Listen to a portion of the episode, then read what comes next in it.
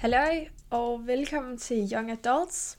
Det er Karoline, og i dag der tager vi det stille og roligt. Det bliver et mega afslappet afsnit, så nå op en kop te, det har jeg selv gjort, og så læn jeg tilbage, fordi i dag der vil jeg fortælle jer lidt om to bøger, som jeg gerne vil anbefale jer. Og det er selvfølgelig anledning af, at der er efterårsferie lige om lidt, og det glæder jeg mig mega meget til. Men jeg kender også godt den der følelse, som man nogle gange kan stå med, hvor man har mega mange bøger, man gerne vil læse, måske en mega lang liste af bøger, man gerne vil læse, og så kan man ikke rigtig finde ud af, hvor man gerne vil starte, og så ender man med faktisk ikke at læse noget overhovedet. Eller omvendt at have ingen bøger, man gerne vil læse, og så ved man slet ikke, hvor man skal finde inspiration henne. Så øh, det her afsnit skulle gerne hjælpe jer lidt på vej. Og så ud over de to bøger, som jeg gerne vil anbefale jer, så, øh, så tænkte jeg, at jeg kunne fortælle jer lidt om de bøger, som jeg selv skal læse i ferien, og øh, det, jeg havde sådan en idé om, det kunne være lidt sjovt, at I fik et indblik i, jamen altså, hvad for en slags læser jeg er, hvad for nogle bøger jeg øh, går efter normalt. Og så øh, er det jo også bare yderligere inspiration, hvis de her to bøger ikke øh, skulle være nok, dem jeg vil anbefale nu. Og øh, det er de to bøger, det er øh, Drømmefakultetet af Sara Stridsberg, og så er det Throne of Glass af Sarah J. Maas. Så lad os kaste os ud i det. Jeg håber, I vil lytte med.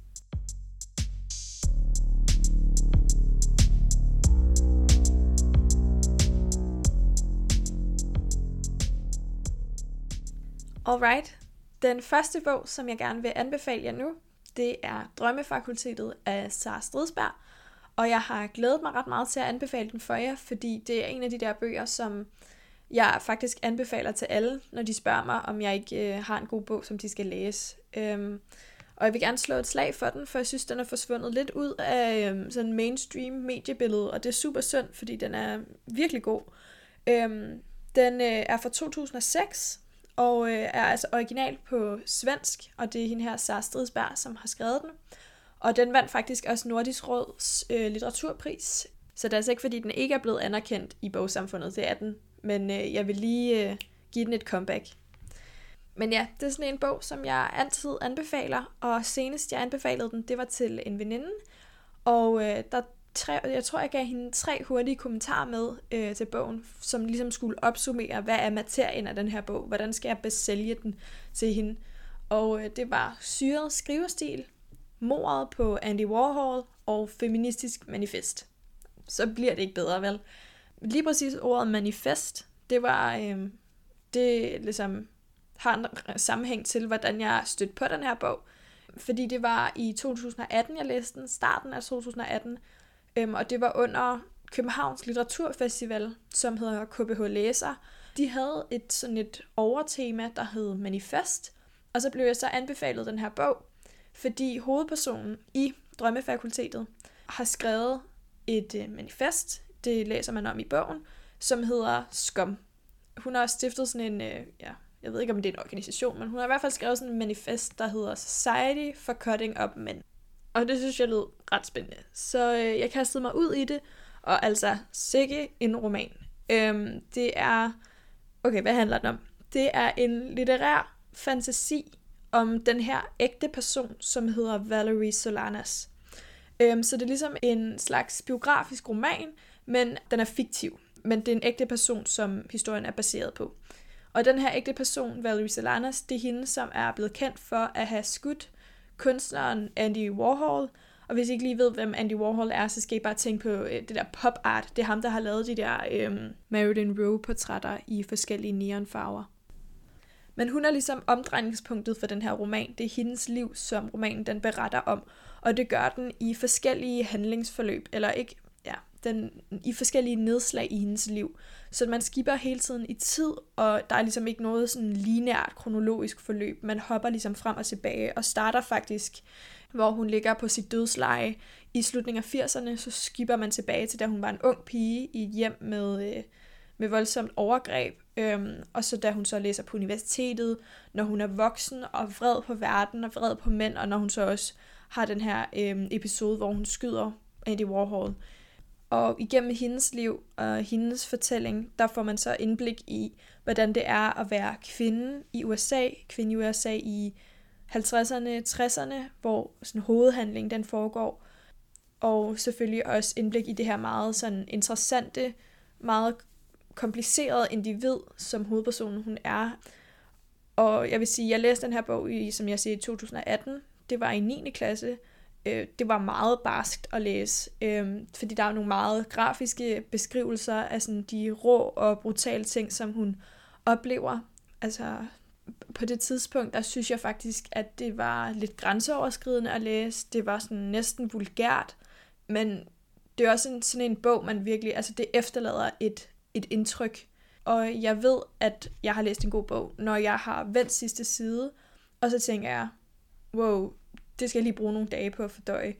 Og nu har jeg brugt tre år på at fordøje den, og jeg har kun læst den en enkelt gang, og den sidder altså stadig sådan, altså virkelig brændt ind i min nethinde på en eller anden måde. Jeg har aldrig glemt den, og jeg anbefaler den stadig til folk. Og jeg tror virkelig, jeg bliver nødt til at læse den igen, fordi jeg kan se den måske fra et nyt perspektiv, nu hvor jeg er blevet lidt ældre. Men ja, den anbefaler jeg, og jeg synes, at i skal læse den ikke kun for handlingsforløbet, men også fordi den er simpelthen skrevet så flot.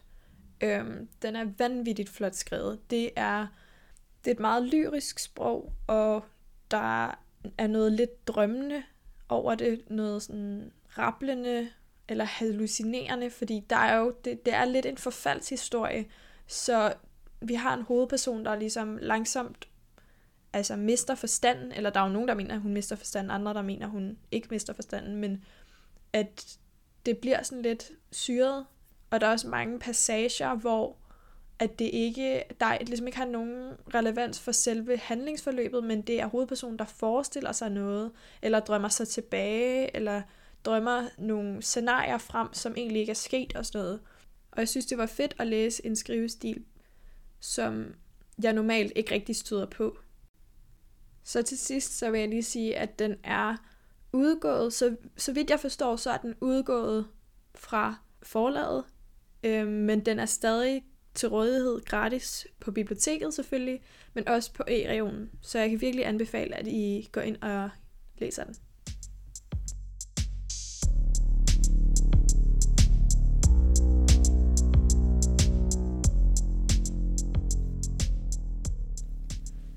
Den anden bog, jeg gerne vil anbefale jer, det er Throne of Glass, som er skrevet af Sarah J. Maas, som er en amerikansk forfatter. Og egentlig havde jeg lyst til bare at anbefale jer hele hendes forfatterskab, men det er sådan lidt uoverskueligt, tænker jeg. Så øh, jeg har bare valgt at anbefale hendes debutroman. Jeg tror i hvert fald, det er hendes debutroman. Øhm, som er den her Throne of Glass, som er en del af serien, som har det samme navn. Altså, hele serien hedder Throne of Glass, men det er så den første, som jeg anbefaler. Øhm, selvfølgelig i håb om, at I bliver lige så bit af den, som øh, jeg blev, og har lyst til at læse resten af hendes bøger. Hvordan jeg blev bekendt med hendes forfatterskab, det gjorde jeg øh, ved, at jeg har nogle veninder, som blev ved med at snakke om den her serie, som hed Court of Thorns and Roses. Og de blev ved med at tale om den. Og kender det der, når man bliver anbefalet en bog, og man er sådan, ja ja, det er fint nok, jeg, det, jeg skriver den bag øret, og så glemmer man den og læser den aldrig. Men de blev ved med at snakke om den, så tænkte jeg, nu bliver jeg nødt til at læse den. Så læste jeg den, Court of Thorns and Roses, og jeg blev blæst bagover. Så jeg læste resten af hendes bøger, eller jeg tror, jeg læste, læste næsten dem alle sammen, og jeg har synes, at niveauet har været tårnhøjt hele vejen igennem. Øhm, hun skriver fantasy, og så har hun de her stærke kvindelige hovedpersoner. Men det, jeg synes, der er fantastisk ved hendes forfatterskab, er ikke bare, at hun er god til at strukturere en spændende fortælling, fordi det er hun. Altså, der er masser af plot twists, og hun er god til at skrive hendes handlingsforløb, sådan så at der ligesom er noget, der driver historien fremad i serien, øhm, og, og det ikke ligesom bare går i stå. Det synes jeg er mega fedt. Men det, det jeg synes er helt vildt fantastisk, det er, at hun skaber universer, som man kan se for sig. Altså hun, det her worldbuilding er hun sindssygt god til. Hun skaber nogle karakterer, sådan, så læseren ikke kun har lyst til at høre om, hvad der sker for hovedpersonen. Hun bygger et univers, hvor at hun har en masse bikarakterer, som ligesom alle sammen har nogle baghistorier, der gør, at man har lyst til at læse serien fra deres synsvinkel. Men jeg tænker, inden at jeg kommer for godt i gang med øh, hendes forfatterskab sådan generelt, så tænker jeg, at jeg skal dykke ned i den bog, som jeg nu vil anbefale jer. Og det er jo Throne of Glass. Og hvad handler den her bog så om? Jamen, den handler om Selena Sardothian, som er den her 18-årige pige, som vi møder i en slavelejr, som hedder Endovir i kongeriget Ardalan. Og grund til, at hun er i den her slavelejr, det er, fordi hun er en af landets mest berømte og berygtede øh, snimordere, øh, og hun er blevet taget til fange. Og øh, hun har altså den her livstidsstraf, som øh, skal udleves i den, de her saltminer, som de har. Og så får hun en dag fint besøg af kronprinsen og hans kaptajn, og de foreslår hende, at hun kan få lov til at deltage i den her turnering, som foregår i landet, hvor de adelige ligesom alle sammen har deres repræsentant, som skal kæmpe til døden i sådan en øh, turnering.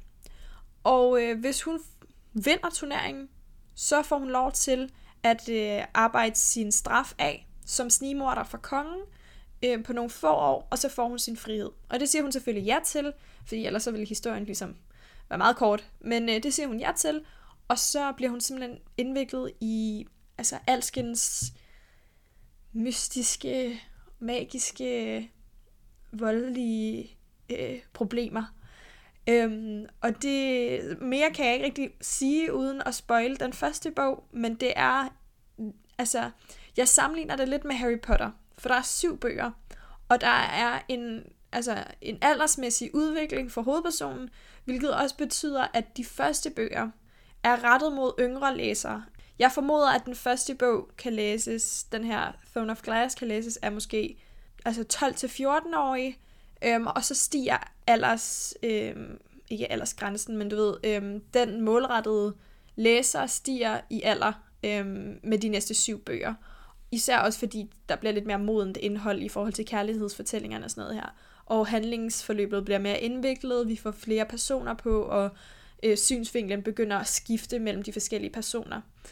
Men ja, mere kan jeg rigtig sige. Jeg håber, jeg har vækket interessen for den her bog, fordi den er altså sindssygt god. Og hvis man ikke lige bliver bidt af den første, så synes jeg virkelig, man skal holde i, fordi det bliver bare bedre og bedre, og, og mere og mere altså, vildt og voldsomt, og hjerteskærende, og livsbekræftende, og ja, altså, det er også meget abstrakt. Jeg kan jo ikke helt sidde her og spoil, hvad der sker i hele serien, men altså, det, det bliver vildt. Jeg siger jer, det bliver vildt. Øhm, og lige nu er jeg i gang med den sidste bog i serien, syveren. Øhm, jeg læste de første seks bøger i sommerferien, øhm, og så havde jeg og så kunne jeg ikke få fat i den sidste, og jeg har bare ventet på den i kø, og nu er den endelig kommet til mig, og jeg har læst måske en tredjedel, en fjerdedel af bogen, og den er, ej, hvor er det godt, hvor er det godt. Læs den. Andet kan jeg ikke sige. Bare læs den.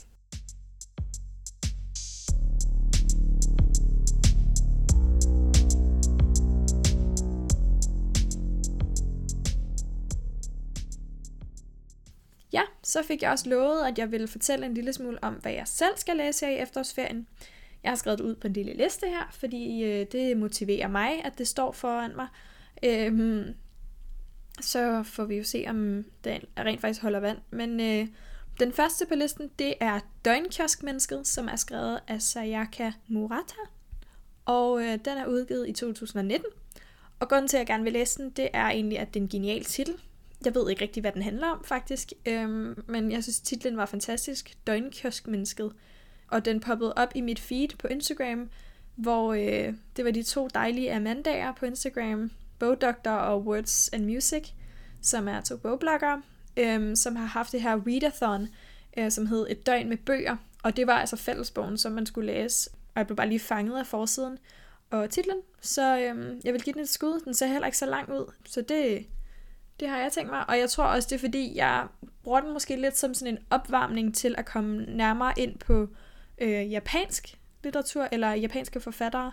Haruki Murakami har jeg for eksempel aldrig læst, men jeg vil rigtig, rigtig gerne, men øh, jeg har hørt, at det skulle være sådan lidt syret, og det skal jeg lige tage tilløb til.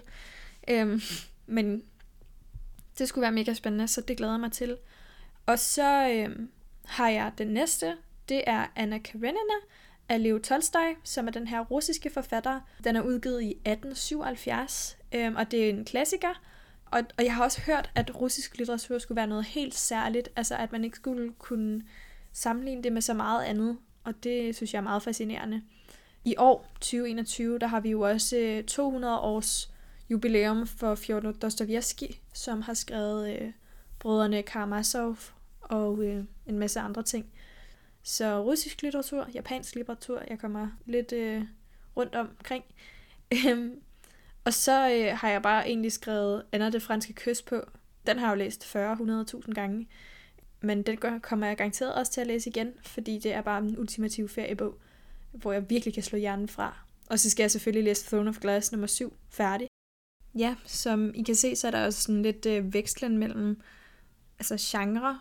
Jeg føler, at for mig, der er det lidt svært at komme igennem de ældre klassikere. For eksempel Anna Karenina har jeg prøvet at starte på sådan fire gange eller sådan noget. Øhm, og jeg skal altid lige have lidt afveksling med noget fantasy eller noget romantisk, fordi jeg skal simpelthen ikke klare, det, klare mig igennem det. Jeg ved ikke, hvad det er. Jeg tror, altså det, det er bare lidt tungt at læse nogle gange, hvis man ikke har det rigtige mindset. Men jeg tror også, at det er i, i ferierne, som man skal give det et skud, for der har man virkelig tid til at fordybe sig, og man skal ikke skynde sig, der er ikke nogen bagkant.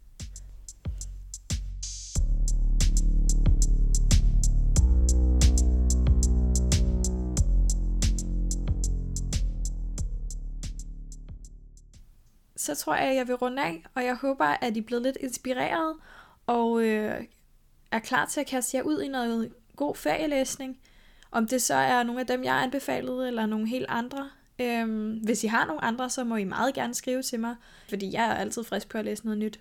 I kan skrive til mig over Instagram på profilen youngadults underscore podcast, og der kan I også følge med i, hvad der sker her på kanalen, og der anbefaler jeg også en del andre bøger og film og serier og kulturoplevelser osv. Så, så indtil næste gang, så må I bare have det rigtig skønt. God ferie. Vi lyttes ved.